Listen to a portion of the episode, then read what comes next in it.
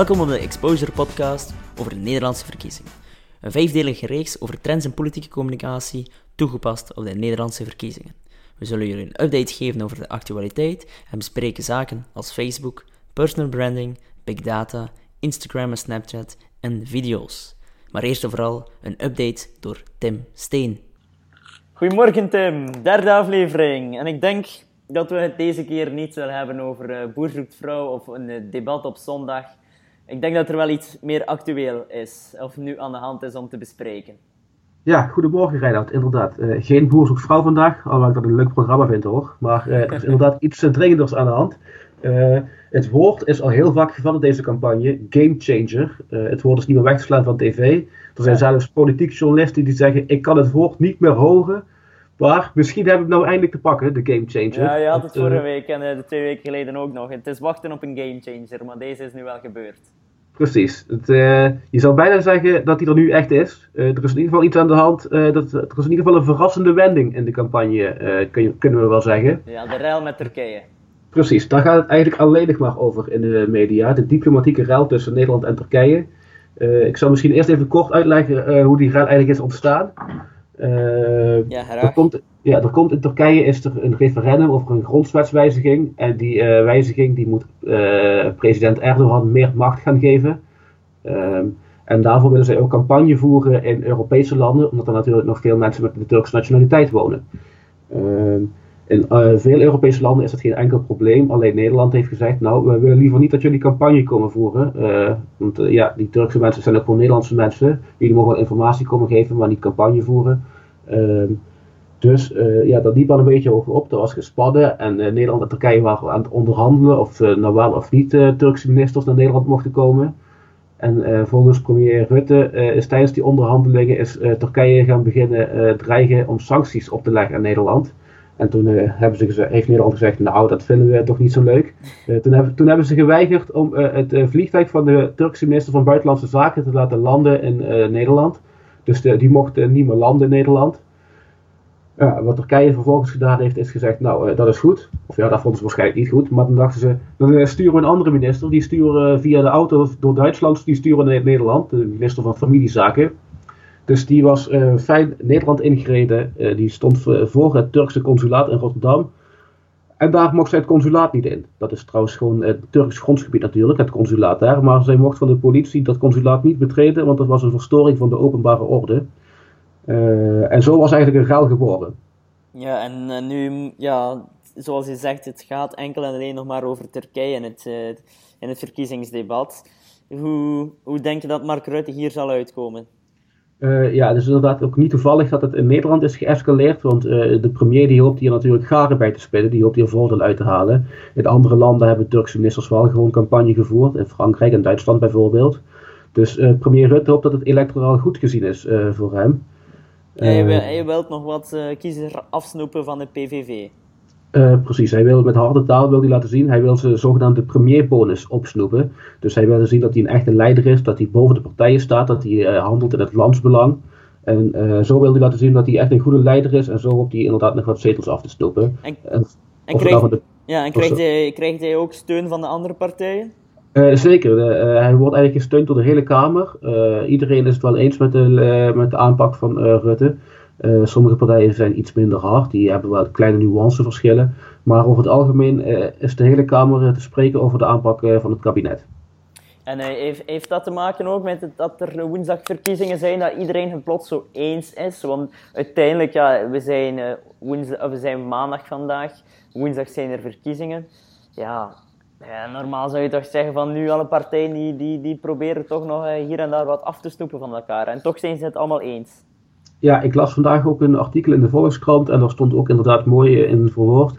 Uh, als er nou geen campagne was geweest, dan waren er waarschijnlijk veel meer verschillende meningen geweest. Dus dat heeft inderdaad zeker te maken met de campagne. En is dat dan omdat ze het gewoon zo snel mogelijk willen afronden? Want ik denk bijvoorbeeld, ja, voor iets linksere partijen is dat debat wel heel ja, stukken moeilijker dan bijvoorbeeld de rechtse partij. Of Geert Wilders, die vindt dat waarschijnlijk uh, op en top, omdat hij hier nog harde campagne kan rondvoeren. Maar voor de iets iets uh, ja, linksere partijen is dat waarschijnlijk wel moeilijker. En daarom dat ze het sneller willen afronden. Uh, ja, ik denk inderdaad dat zij dit niet uh, tot ho hoofdpunt uh, van de campagne willen maken. Zij willen ook nog spreken over andere ideeën. En ik denk dat ze daarom zo snel mogelijk hiervan af willen zijn. En dat ze daarom ook de premier steunen, zodat het niet een, een issue wordt waar veel van mening over wordt verschild. Ja, ja, ja oké. Okay. Um, Tim, er zijn heel veel partijen in Nederland. Zoals je zegt, de meeste steunen wel Mark Rutte. Maar uh, er is ook een partij, Denk, die afgesplitst is van een andere partij. Maar uh, van welke partij weer? Van de Partij van de Arbeid. Partij van de Arbeid, juist ja. En die, ja, hij focust zich toch wel ook meer op het publiek, ja, op de Turkse, Turkse Nederlanders. wat was zijn mening daarover? Ja, inderdaad. Die, die partij die zegt er voor alle Nederlanders te zijn, maar het is inderdaad wel waar dat die partij zich vooral richt op mensen met een immigratieachtergrond. Mm -hmm. en die partij die zei dat dat ze, zij vonden eigenlijk dat de Turkse minister gewoon het consulaat mocht betreden en dat de Turkse minister gewoon binnengelaten had moeten worden om campagne te voeren. -hmm. Deze partij scoort nu rond 1% in de peilingen. Denk je dat zij nu daar of hierdoor meer zullen scoren? Of zij hierdoor meer zullen scoren, dat durf ik niet te zeggen. Maar die peilingen van deze partij die zijn wel een beetje moeilijk te voorspellen. peilingen, mensen die, die peilingen maken, die werken met panels en die ondervragen de mensen wat gaan jullie stemmen. Maar Turkse Nederlanders en sowieso mensen met een migratieachtergrond, die zijn eigenlijk ondervertegenwoordigd in die panels. Dus het is heel moeilijk om te voorspellen hoeveel de zetels Denk uiteindelijk gaat halen. Omdat het heel moeilijk in te schatten is wat die mensen gaan stemmen, omdat zij niet ondervraagd worden. -hmm. Oké, ja, het zou dus best wel kunnen dat die partij nog veel meer zetels haalt dan men oorspronkelijk dacht. Dat zou inderdaad goed kunnen, ja. Okay. Vanavond, Tim, is er opnieuw een debat, dacht ik. Ja, dat klopt inderdaad. En een leuk debat dit keer. Uh, Geert Wilders die heeft eigenlijk nog niet gedebatteerd. Uh, maar vanavond gaat hij uh, debatteren één op één met Rutte. Dus dat wordt zeker een debat om naar uit te kijken. Eén op één met Rutte. Het is de eerste keer dat Geert Wilders op televisie zal debatteren dan. Inderdaad. Of toch de eerste keer tijdens deze ver verkiezingscampagne. Ja, het enige debat waar hij van tevoren mee heeft gedaan is het jeugdjournaal debat, maar dat kan jij niet in debat doen natuurlijk, dat is gewoon leuk. Ja, oké. En um, ja, het was dus van, van Gert Wilders een zeer bewuste techniek om zo weinig mogelijk aan debatten mee te doen. En uh, nu net voor de verkiezing, of net ja, voor woensdag, toch nog even op televisie komen, dat is waarschijnlijk wel zeer bewust. Uh, zeker, hij doet toch vandaag uh, een debat met Rutte. En morgen is het grote slotdebat van de NOS. Daar doen nog een aantal andere partijen mee. En daar komt hij ook weer spreken. Als hij dat niet afzegt tenminste.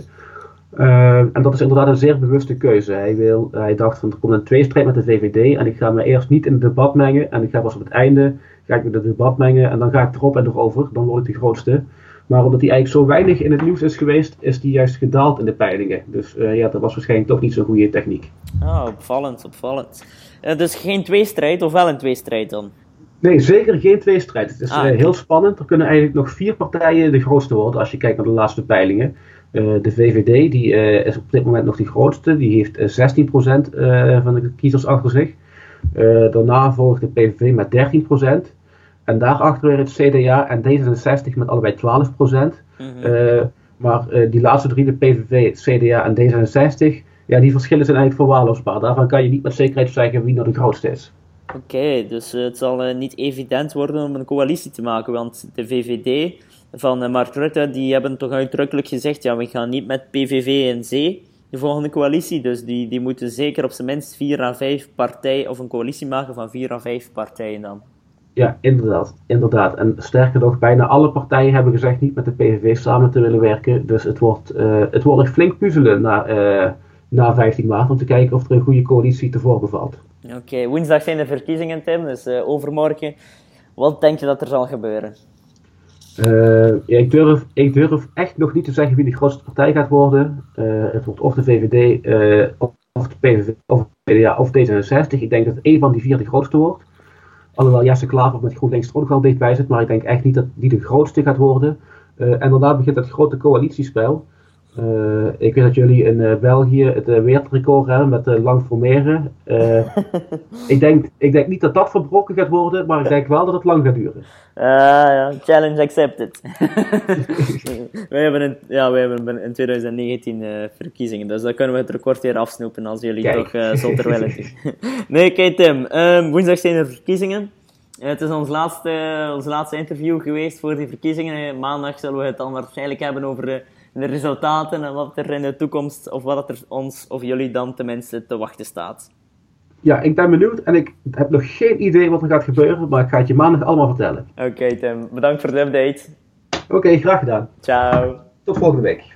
Zo, we zijn weer even helemaal up-to-date. Vorige week hadden we het over Facebook, de week daarvoor over Big Data. Deze week zullen we het hebben over personal branding. Hallo Kees, bedankt om, uh, ja, bedankt om uh, mij even te woord te staan voor deze podcast. Jij bent, uh, ja, dat mag ik toch wel zeggen, ik heb ook even van je boeken gelezen, een absolute expert als het gaat over personal branding. Ik ben dan ook zeer vereerd dat je ons even te woord wil staan. Kees, kan je misschien jezelf nog even kort voorstellen? Ja, heel graag. Kees Harmsen, uit het landje wat ten noorden van jullie ligt, Nederland. En dan ook weer in het noorden van Nederland, in Assen.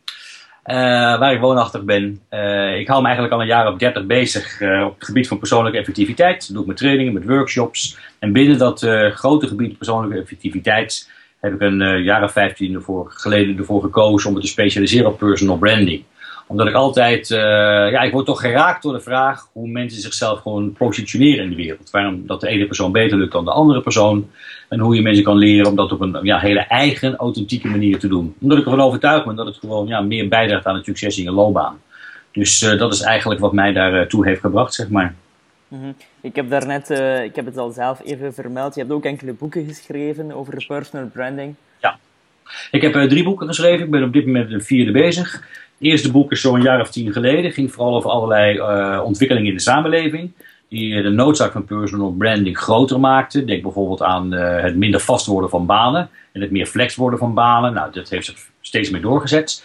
Het tweede boek ging over hoe zet je jezelf nou opmerkelijk neer. Ging vooral over authenticiteit. En daar is een derde boek uitgekomen, dat is een jaar of drie geleden. Wat ik eigenlijk zo als een soort werkboek zie bij het tweede boek. Dat is Procent. Ik ben nu bezig met een boek over archetypen. Uh, heel bewust, omdat ik denk dat archetypen wordt ook veel gebruikt überhaupt in, bij, merken. En het, laat ook wel zien waar het eigenlijk om gaat. Weet je, wat fascineert mensen? Hè? En het gaat vaak om die gevoelsmatige connectie die je hebt bij personal branding met iets. Ik vind het woord fascinatie ook een heel mooi woord. Wat fascineert jou in mensen? Wat fascineert jou in merken? Nou, daar wil ik meer mee doen. Dus het volgende boek gaat ook waarschijnlijk dan sterk psychologisch onderbouwd zijn. Ja, het gaat ja. sterk psychologisch onderbouwd. Ja, want uh, archetypen, dan vermoed ik dat het ook zal gaan over ons reptielenbrein, uh, de, de invloed van ons reptielenbrein en dergelijke, en dergelijke branding. Nou, het zal er een stukje mee te maken hebben. Er zijn ook wel dingen over geschreven, over de neuromarketing, zeg maar. Mijn dochter is zich trouwens veel mee bezig. Uh, dit gaat meer over Jungiaanse archetypen. Archetypen zijn eigenlijk een soort oerbeelden die je hebt. Hè. Denk aan de held, de krijger, de avonturier. Dat soort beelden waar iedereen wel een soort ja, connotatie mee heeft. Eh, nou, er zijn verschillende manieren voor. Er zijn vragenlijsten voor andere instrumenten om je archetypen te onderzoeken, zeg maar. En het gaat mij om de vraag hoe je die beelden herkent en die beelden ook gebruikt in de profilering naar de buitenwereld. Mm Ja, dus uh, nou ja, zo, zo is merken dat ook doen. Hè. Neem, neem een voorbeeld als uh, EasyJet is een mooi voorbeeld. Hè. Dat, dat is echt de avonturier en de krijger en de rebel hè, die echt de gevestigde orde tart en hè, met nieuwe producten komt. Nou ja, dat soort zaken. Nou, ik ga eigenlijk ook met mensen dan kijken, oké, wat is dan een archetype wat bij jou past? Dan zeg je dat archetype dan neer in de buitenwereld. En maak je ook een moedige keuze daarin.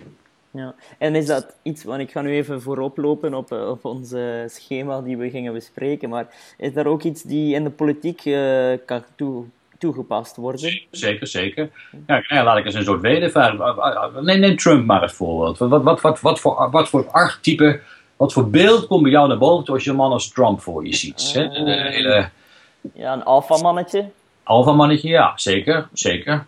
Hmm, ja. Denk, een, ja, een vechter ook. Ja, een vechter, een krijger. Hè. Ja. Dat, dat, dat zit er heel sterk in. Dat appelleert dus ook bij een bepaalde groep mensen aan een bepaald soort van gedrag. Hè, de gevestigde orde, tarten, uh, de, moedigheid, uh, beslissingen nemen, dat soort zaken.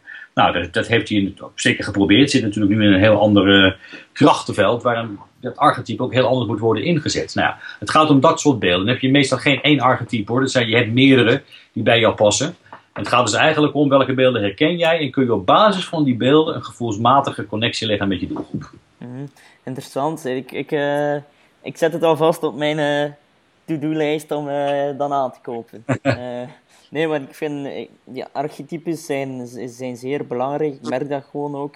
En er is ook al onderzoek zelf naar gedaan. Bijvoorbeeld, welke rollen ons oerbrein en die archetypes nog spelen in de beslissingen die we nemen. En zeker ook in politieke communicatie. Zo, blijkt, dus, zo blijkt dat wij uh, nog altijd liever stemmen voor grote mensen vanwege het archetype van een groot, sterk krijger, dus een betere leider. Ja.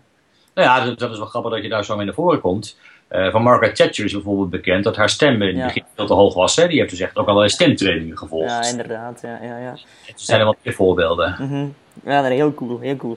Uh, ik kijk er naar uit om daar te lezen. Maar uh, we gaan verder in de podcast.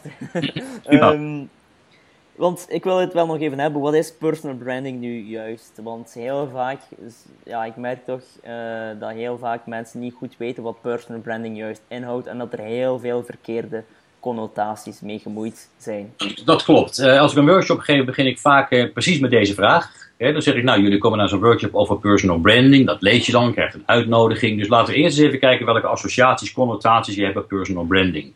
Nou, dan kijk je zo'n rijtje. Dan kijk je zelfmarketing, bewust werken aan je sterke kanten, jezelf profileren. Nou ja, dat, dat soort woorden komen dan naar voren toe. Nu roep ik vaak tegen mensen, zijn er ook nog negatieve associaties die je hebt? Want die zijn er ook wel, zeggen mensen, ja, het is oppervlakkig, het is een oppervlakkig beeld van jezelf neerzetten, een wannabe, en, dat soort zaken. Nou ja, dat, dat laatste klopt trouwens ook. er zijn natuurlijk ook mensen die dat doen, die iets van zichzelf neerzetten wat ze niet zijn. Ja, nou ja, dat is voor mij geen personal branding. Het is een vorm van negatieve manipulatie. Personal branding zie ik als een positieve vorm van manipulatie. wat je dus eigenlijk doet, je, bewust, ja, je benadrukt bewust je, kwaliteiten, je sterke kanten. En daar ga je je mee profileren. Het is ook een werkwoord, hè, personal branding. Hè. Het, is, het is iets waar je ook bewust aan moet werken. Het is niet iets wat vanzelf gaat. Mhm. En hoe komt het dat zoveel mensen er toch een negatieve connotatie mee hebben? Dus... Ja, dat, ik heb die, ook beelden die ik zelf ook heb rijden. Er zijn natuurlijk ook heel veel mensen die het op een hele negatieve manier doen. De schreeuwers, Hè, die alleen maar aan het woord zijn. Ik zal je een voorbeeldje geven. Ik gaf laatst uh, ergens een workshop en er waren meerdere mensen. En er kwam een communicatietrainer naar me toe om ook even een kopje koffie te drinken. Die man had een half uur lang staan te oreren over zichzelf. Hè? Een half uur lang, werkelijk geen één vraag gesteld. En toen, was het, ja, toen, toen ging hij weer weg. Toen zei ik, ik zal je één kleine tip geven. Onze lieve heer heeft ons twee oren gegeven en één mond. Dat is niet voor niks. Nou, dat vond ik niet zo'n leuk grapje, maar daar komt het dus wel op neer. Kijk, er zijn heel veel mensen die praten, die praten, die praten. En personal branding betekent ook een relatie aangaan. Dus ook goed luisteren. En niet alleen maar oreren hoe geweldig je bent. Mhm. dus ik, ik, begrijp af en toe die negatieve connotatie wel. Hè. Het, het, uh, het, is ook wel iets van, anders krijg je dat ikke, ikke, ikke. Ja, en dat is het dus niet. Mm -hmm. En uh, kan, kan iedereen met personal branding iets doen? Is het, is het, ja, is het voor iedereen bruikbaar? Ja, dat is een goede vraag. Uh, Kijk, ik zou zeggen, ik beperk me tot, tot, toch wel tot die mensen die het nodig hebben om op hun vakgebied een onderscheid te maken. Dus je moet jezelf de vraag stellen, is het voor mijn vakgebied nodig om een onderscheid te maken? Als je zegt, nee, dat is niet nodig, want er is geen concurrentie. Ik ben de enige die doet wat ik doe. Nou, dat zijn er niet veel trouwens. Ja, dan is het niet echt nodig. Als je werk hebt waar het minder nodig is, omdat ja, het veel gevraagd is, jouw werk, en nou, dat kan je gewoon blijven doen, is het minder nodig. Dus het hangt ook vanaf wat voor métier je hebt en, of het daarbij past. Dus we het even inperken. Ik denk dat iedere zelfstandige het nodig heeft. Die zit op een concurrerende markt waar meerdere mensen soortgelijke diensten aanbieden. En als jij een publieke functie hebt en je ook een bepaalde mate afhankelijk bent van het publiek om je functie uit te oefenen, is personal branding ja, van levensbelang. Mhm. Dus uh, het heeft vooral met de mindset te maken dan? Nou ja, het is sterk met de mindset te maken. Ook vaardigheden uiteraard. Maar, kijk, voor mij begint alles met de mindset trouwens hoor. Mijn bedrijf heeft mindsetter en dat is niet... Ja, ja. ja, ja het begint met de mindset. Want als ik, ik zeg altijd, je hebt mindset en skillset. Skills, dat kun je aanleren. Mindset moet je tot een bepaalde mate ook over beschikken. Het heeft ook met de wil te maken om dingen te doen. Mhm. En uh, als we dan even mogen gaan... Uh, personal branding en politieke communicatie. Je, ja. je hebt zelf al wat politici gecoacht. Ja. Um, ja, hoe begin je daar als politicus of politica aan, aan personal branding? Hoe moet je, hoe moet je starten? Nou, het begint voor mij dus de vraag: uh, wie is iemand en hoe wil iemand datgene wat hij is en universiteit in de buitenwereld neerzetten? Uh, dat, dat is gewoon mijn eerste vraag. Ik hou me bezig met authentieke personal branding. Als mensen naar mij toe komen die willen vooral werken aan hun profiel in sociale media, dan zeg ik: ga maar naar een ander toe. Want dat vind ik de buitenkant van personal branding. Dan gaat het over de tips en de trucs. Nou, daar staat het hele internet vol mee. Daar hoef je niet met mensen over te praten. Dat kan je zelf wel opzoeken. Mhm. Als mensen echter zeggen, ik wil gecoacht worden van... Hè, hoe zet ik nou mijn eigenheid, mijn uniciteit in die buitenwereld? Ja, dan wordt het een andere vraag. Dus je gaat eerst met elkaar uitzoeken... Ja, wat maakt jou tot de persoon die je bent? Nou, hoe doen we dat? Vaak door erover te praten. Ik, doe, ik heb een aantal vragenlijstjes die ik daarvoor gebruik, maar ik begin ook vaak met mensen te vragen: wat zijn nou je achievements in het leven tot dusver? Een achievement is iets waar jij trots op bent. Waarvan je zegt, nou, daar, heb ik iets neergezet waar ik echt met veel plezier op terugkijk, waar ik een ander van dienst ben geweest, dat soort zaken. Dat is een achievement. Nou, zo ga je een soort rijtje maken van, van die achievements. Dan ga je eens kijken, wat is nou, nou de rode draad en wat zegt dat over jou? Wat zegt het over de persoon die je bent? Nou, als je dat dan zeg maar met elkaar hebt, zo in kaart hebt gebracht, ben je wat even mee bezig. Is de tweede vraag, oké, hoe wil je dat dan in de buitenwereld neerzetten? En welke buitenwereld? Wie wil je daarmee bereiken? Kijk, eh, een personal brand heeft vrienden en vijanden, zeg ik altijd. Politiek is een mooi voorbeeld. er zijn mensen die je moeten en die je niet moeten. Dat is prima. Ja, maar je gaat je richten op die mensen die, die je moeten, waar, waar je wat mee wil. En dat probeer je uit te bouwen. En je gaat niet proberen om al je vijanden te overtuigen, want dat gaat je toch niet lukken. Mhm. Dus eerst gaan we gaan kijken van ja, wie, wie ben ik? Uh, en dan, eenmaal we weten, en niet alleen wie ben ik, maar wat zijn mijn unieke kwaliteiten, wat zijn mijn sterke punten, waarin ben ik anders dan mijn conculega's, concurrenten. Ja. Uh, en dan gaan we effectief kijken van ja, hoe gaan we die unieke punten die we zelf belangrijk vinden, hoe gaan we die in de markt plaatsen? Ja, daar komt het inderdaad op meer, ja. Daar komt het inderdaad op meer. En, en personal branding, is dat dan, ja, heeft dat dan enkel te maken met kleren of of hoe moet je dat, dan invullen? Dat, dat, is weer een klein stukje ervan. Hè? Dat vind ik dus weer die buitenkant. Het helpt allemaal wel mee hoor, die eerste indrukken die je neerzet. Maar het gaat er dus meer om dat je eerst eens even een soort. Dus eerst introspectie. Dus eerst introspectie wat je allemaal hebt te bieden dan gaat het ook daarna over de vraag: oké, ben je ook bereid om moedige keuzes in te maken? durf jij ook bepaalde keuzes te maken, bepaalde zaken van jezelf te etaleren? In de politiek betekent dat, ben je bereid om je standpunten gewoon duidelijk en helder en compromisloos naar voren te brengen, zodat mensen weten waar je voor staat. de meest gehoorde klacht ten opzichte van politici, dat het vage verhalen zijn. He, nou ja, lees de krant in Nederland over de verkiezingstijd, PvdA, zie je veel verhalen. Ja, het is eigenlijk niet duidelijk waar ze voor staan. Nou, dan heb je dus een probleem je moet dus wel duidelijk kunnen maken waar je voor staat. En dat moet je gewoon consistent uitdragen in je boodschap. Nou, als dat allemaal helder is, kijk, ik vind bijvoorbeeld die buitenkant kleren en, en, en, representatie is belangrijk, maar het is pas belangrijk in tweede instantie.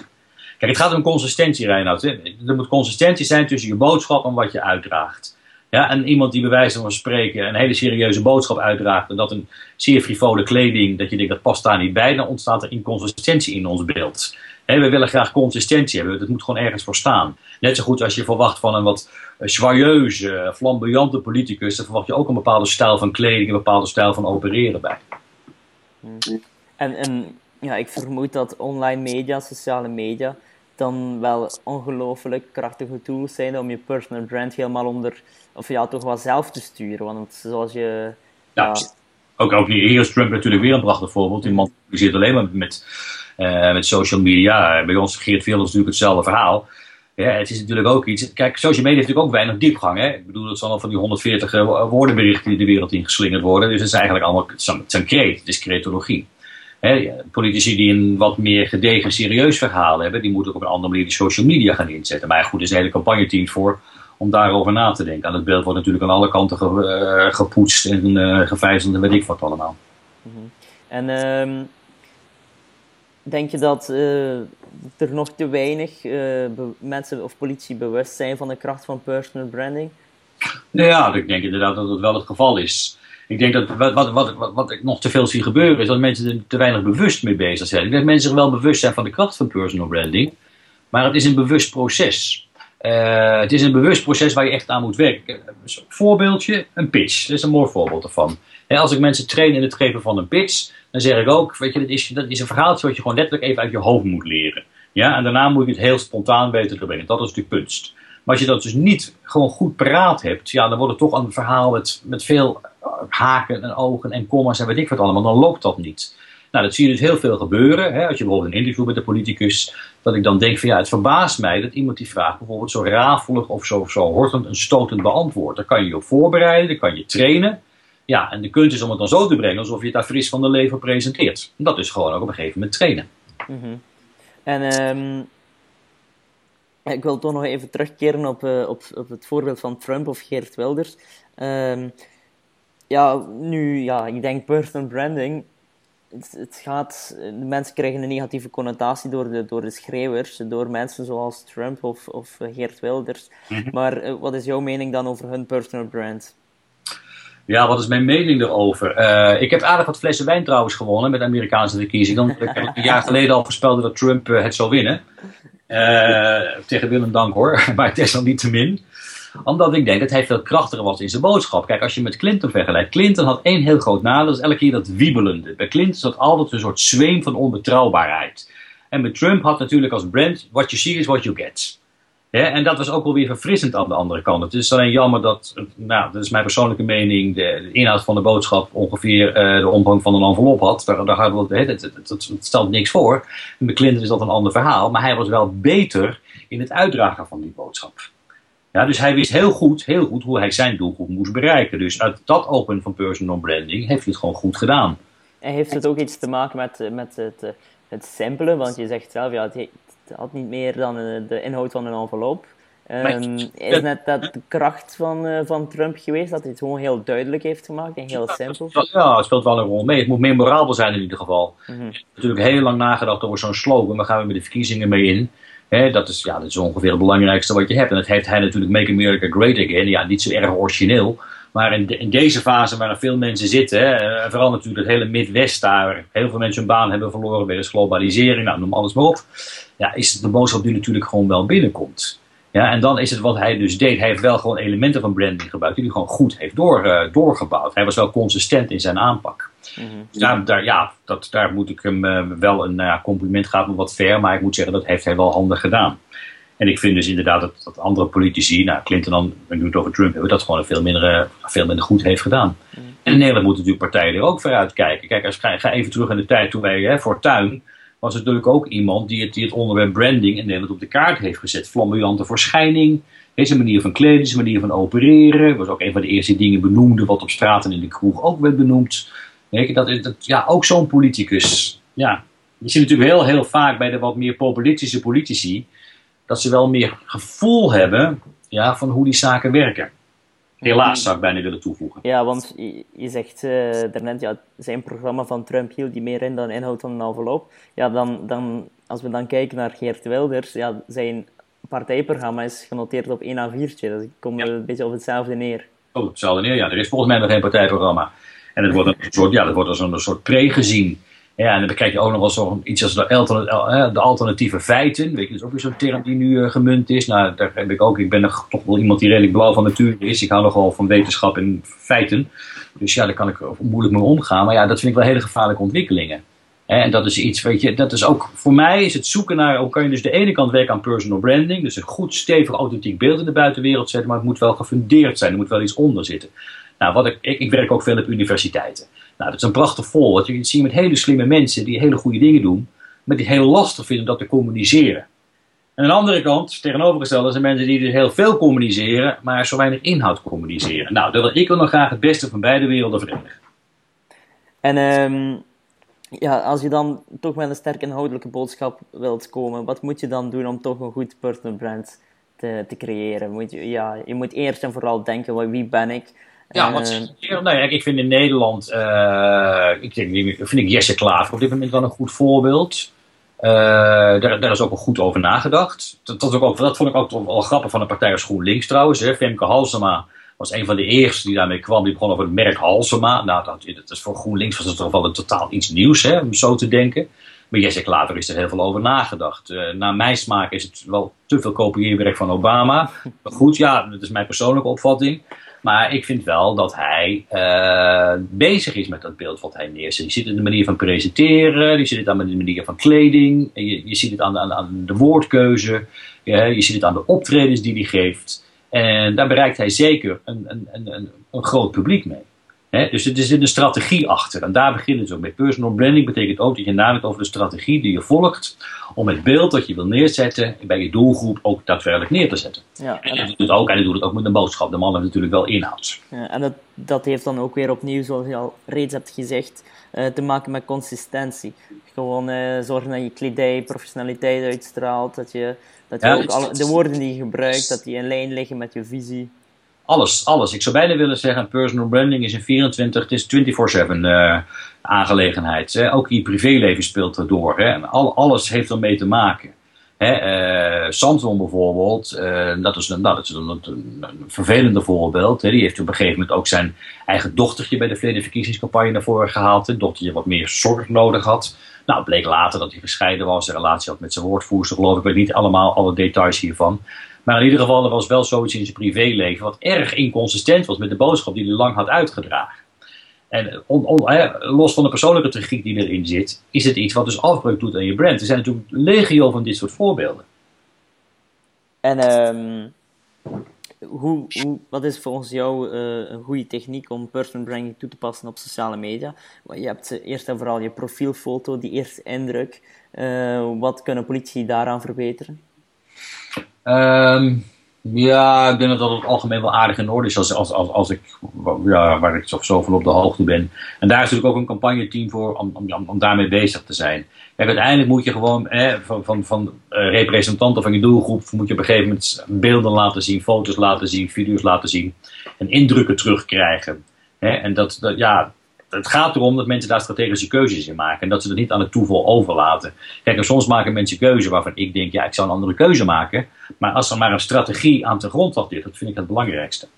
Mm En um, wat is, welke fouten maken politici nog te veel als het gaat over personal branding? Buiten de inconsistentie die ze dan uitstralen. Uh, kan je misschien de fouten zien of fouten uh, vermelden die je vaak terugkeer, terug ziet keren?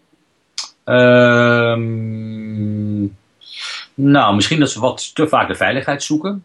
Dat vind ik te vaak in de, in de debatten. Hè, dat het te veel uh, middle, middle of the road wordt. Dat een beetje wordt een beetje beducht voor zeg maar, te ferme uitspraken. Dat vind ik wel jammer. Daarmee laat je je minder zien.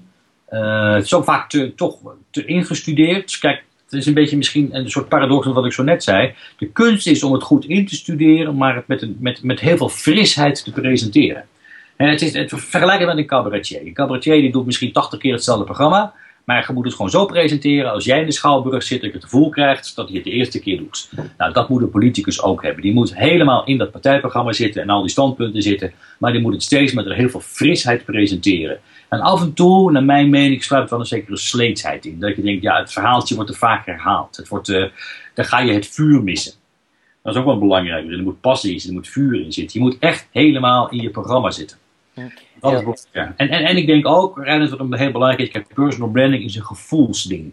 He, je moet het niet te rationeel benaderen. Er moet natuurlijk, he, nogmaals, er moet degelijkheid in zitten. Maar uiteindelijk gaat het om het, om het appelleren aan een zeker gevoel. Nou, dat is natuurlijk voor politici een, een beetje moeilijk feit om te accepteren. Maar laten we eerlijk zijn, bij verkiezingen zie je dat ook. Mensen stemmen niet rationeel, hè, maar mensen stemmen gewoon op hun gevoel. Dat is, een, dat is misschien een lastige, maar dat moet, dat moet je dus wel weten te bereiken. Wij, zijn geen rationele wezens. Wij zijn veel meer onbewust, ja, gevoelsmatige wezens. Hè? Ik had het zo net over dat reptiele brein. Nou, dat is hier uh, zeer sterk aanwezig. Ja, ik heb daar eigenlijk nog een leuke anekdote over. Ik, heb, uh, ik ben in juli en augustus uh, naar Amerika getrokken om experts omtrent politieke communicatie inter te interviewen. Ja. Ik, had, ik had een meeting met de burgemeester van Amarillo. Uh, ik denk een stad ongeveer even groot als stad Brussel in ja. België dan. En, en uh, we hadden het over, over Trump en dat was toen juli of net begin augustus. En ik vroeg aan, aan hem, van, ja, wie denk jij dat er zal winnen?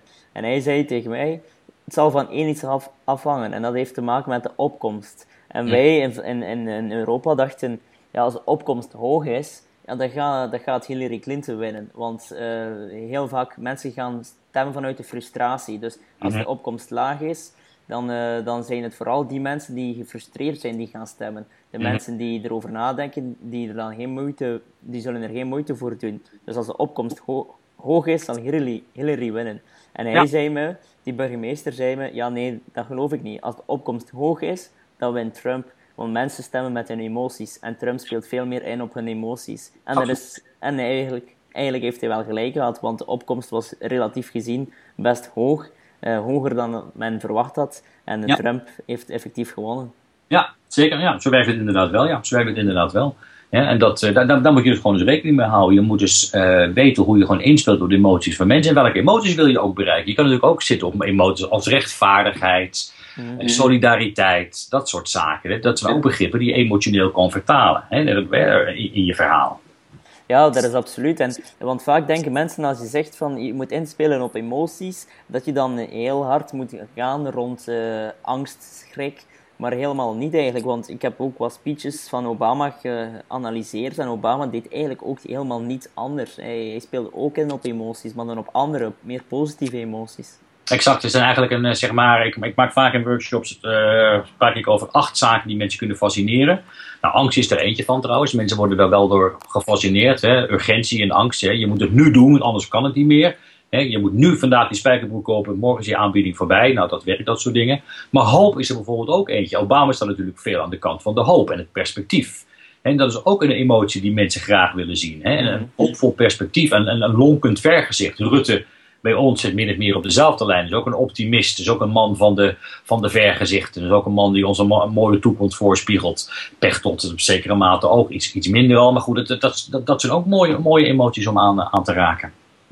Wat ik daarnet nog, uh, ik vroeg je daarnet van welke fouten maken politici veel. En ik wil toch nog even uh, dat herhalen of samenvatten. Wat ik eruit uit haal is vooral dat je geen schrik mag hebben om, om te communiceren, om in te zetten op personal branding. Dus je moet daar geen schrik voor hebben als politicus uh, of politica. En ten tweede, wat ik ook heel uh, interessant vond, is dat het ook toch heel hard gaat om leren. Maar dan het echt je, gewoon je partijprogramma goed van buiten leren, weten waar je partij voor staat, weten waar je als individu voor staat. En daar is denk ik ook wel veel studiewerk voor nodig. Ja, dat is voor nodig. Maar ik zou bijna willen zeggen, je moet je partijprogramma zijn. Je moet, je moet de personificatie zijn van je partijprogramma. Ja, uh, en zelfs voor de dingen waar ik niet helemaal mee eens ben, dan moet hij nog steeds die personificatie zijn. Want dat willen mensen graag zien. Kijk, als jij twijfel uitstraalt, dan pakken mensen die twijfel op. Je moet dus echt helemaal overtuigd zijn van datgene waar jouw partij voor staat. Dus dat kan wat sterker. En het mag misschien ook nog wel, uh, kijk, met een zekere losheid. Dat zit er ook wel in. in de zin van, als ik heel veel van die debatten zie, denk ik, dat is ook wel wat saai. Het mag ook wel wat, wat, wat, speelser. Kijk, ik haal Fortuyn nog maar even terug. Ja, waarom, waarom waren heel veel mensen gek op Fortuyn, omdat die man natuurlijk gewoon ongelooflijk veel lef had. Die ging naar allerlei onderwerpen die nog nooit benoemd worden. die, ging zijn homofilie eigenlijk al helemaal een beetje, een beetje, etaleren. Dat was ook helemaal nieuw. Dus ja, en iedereen vond dat fantastisch. Want die man deed iets, die ging buiten geëigende paden. Ja, dat, dat, dat een bepaalde frisheid wat mensen fantastisch vonden. Nou, dat mag er wel wat meer in. Dat heb je daarna trouwens ook wel zien ontstaan. Hè? Dat mensen ik kan me nog aan het uh, programma herinneren. Er zat Fortuin, die zat tegenover. Uh, wie waren er nou? Melkert zat er. En even denken, ik ben even de andere, de andere kwijt. Man van de VVD. Die komt nog wel te binnen. En Fortuin zat daar, die had lekker smiddags geslapen voor het debat. Die zat er helemaal fris en helder met een brede grijns. Die had toen net heel sterk gewonnen bij de gemeenteraadsverkiezingen in Rotterdam. En er zat er een, uh, ja, Melkert aan de andere kant. Die zat helemaal, er, helemaal uit, onderuit in een stoel met een dood biertje voor zich op tafel. Ja, Fortuyn stond er met 3-0 voor voordat hij überhaupt zijn mond had open gedaan. Een beetje met Kennedy en Nixon, het eerste ja, televisiedebat. Bewijzen van, bewijzen van. Terwijl Melkert inhoudelijk echt wel een iets sterker Dijkstal was de ander. Ja, terwijl, terwijl Melkert echt wel inhoudelijk een wat sterker verhaal had in Dijkstal idem dito. Maar je moet dat verhaal dan ook wel over die bühne weten te krijgen. Hmm politiek is wat dat betreft ook een stukje een spel. Hè? Uh, het, is allemaal, aan de ene kant allemaal uitermate serieus, maar je moet ook het spelelement ervan inzien. Uh, Kees, om af te ronden. Ik wil nog um, één super power tip aan jou vragen voor politici die de volgende verkiezingen willen scoren. Um, een super power tip voor politici die willen scoren. Um, nou, dan ga ik toch maar een tip die ik vaak andere mensen geef in een workshop. Kijk, als jij niet bewust kiest voor het beeld dat je de buitenwereld wil neerzetten, doet een ander het voor jou. Dus dat zou voor mij de belangrijkste tip voor een politicus zijn. Dat je heel bewust nadenkt over het beeld dat je wil neerzetten. Dus niet alleen zeg maar het programma wat je presenteert, maar het beeld dat je wil neerzetten. En liefst in één of twee woorden. Welk beeld moet rondom jou ontstaan? Wat is de associatie in één of twee woorden die mensen rondom jou moeten hebben? En neem dan niet een woord wat, wat, wat voor de hand ligt. Bijvoorbeeld een woord als betrouwbaar is, is, is een totaal doelloos woord. Want als je niet betrouwbaar bent, ja, dan kan je nog eens meedoen. Je moet dus een woord nemen. Ja, hè, je kan toch moeilijk een onbetrouwbare politicus zijn. Ja, die zijn er genoeg helaas, maar dat is een raar woord. Je moet dus een woord nemen waarvan jij zegt... Mensen denken bij mij onmiddellijk aan dat woord. Dat komt naar boven toe. Hè, dat zou bijvoorbeeld bij Rutte optimisme dat, ik weet niet of hij dat woord heeft, maar het zou zomaar kunnen. Want alles rondom die man straalt optimisme uit. Als er problemen zijn, kijkt hij er weer optimistisch naar, er moet aan gewerkt worden, maar er is altijd een perspectief. Ja, dus pak nou een woord, niet alleen een thema, maar ook een woord wat echt rondom jouw persoon kleeft. Dan doe je het op een goede manier. denk dat dat, nee, ik denk niet, ik ben ervan overtuigd dat het een heel goede tip zal zijn voor veel politici. Kees, ik wil je hartelijk danken voor het fijne gesprek en de vele tips die je hebt gegeven. Heel graag. Je dienst. Dag. Dag, Reinoud. Tot ziens. Hopelijk vonden jullie het even waardevol als mij. Volgende week bespreken we alvast een andere trend. Als jullie meer informatie willen, kunnen jullie altijd surfen naar www.exposure.be. Of wil u mij boeken voor een workshop? Stuur mij dan een mail via reinoud.exposure.be. Tot volgende week.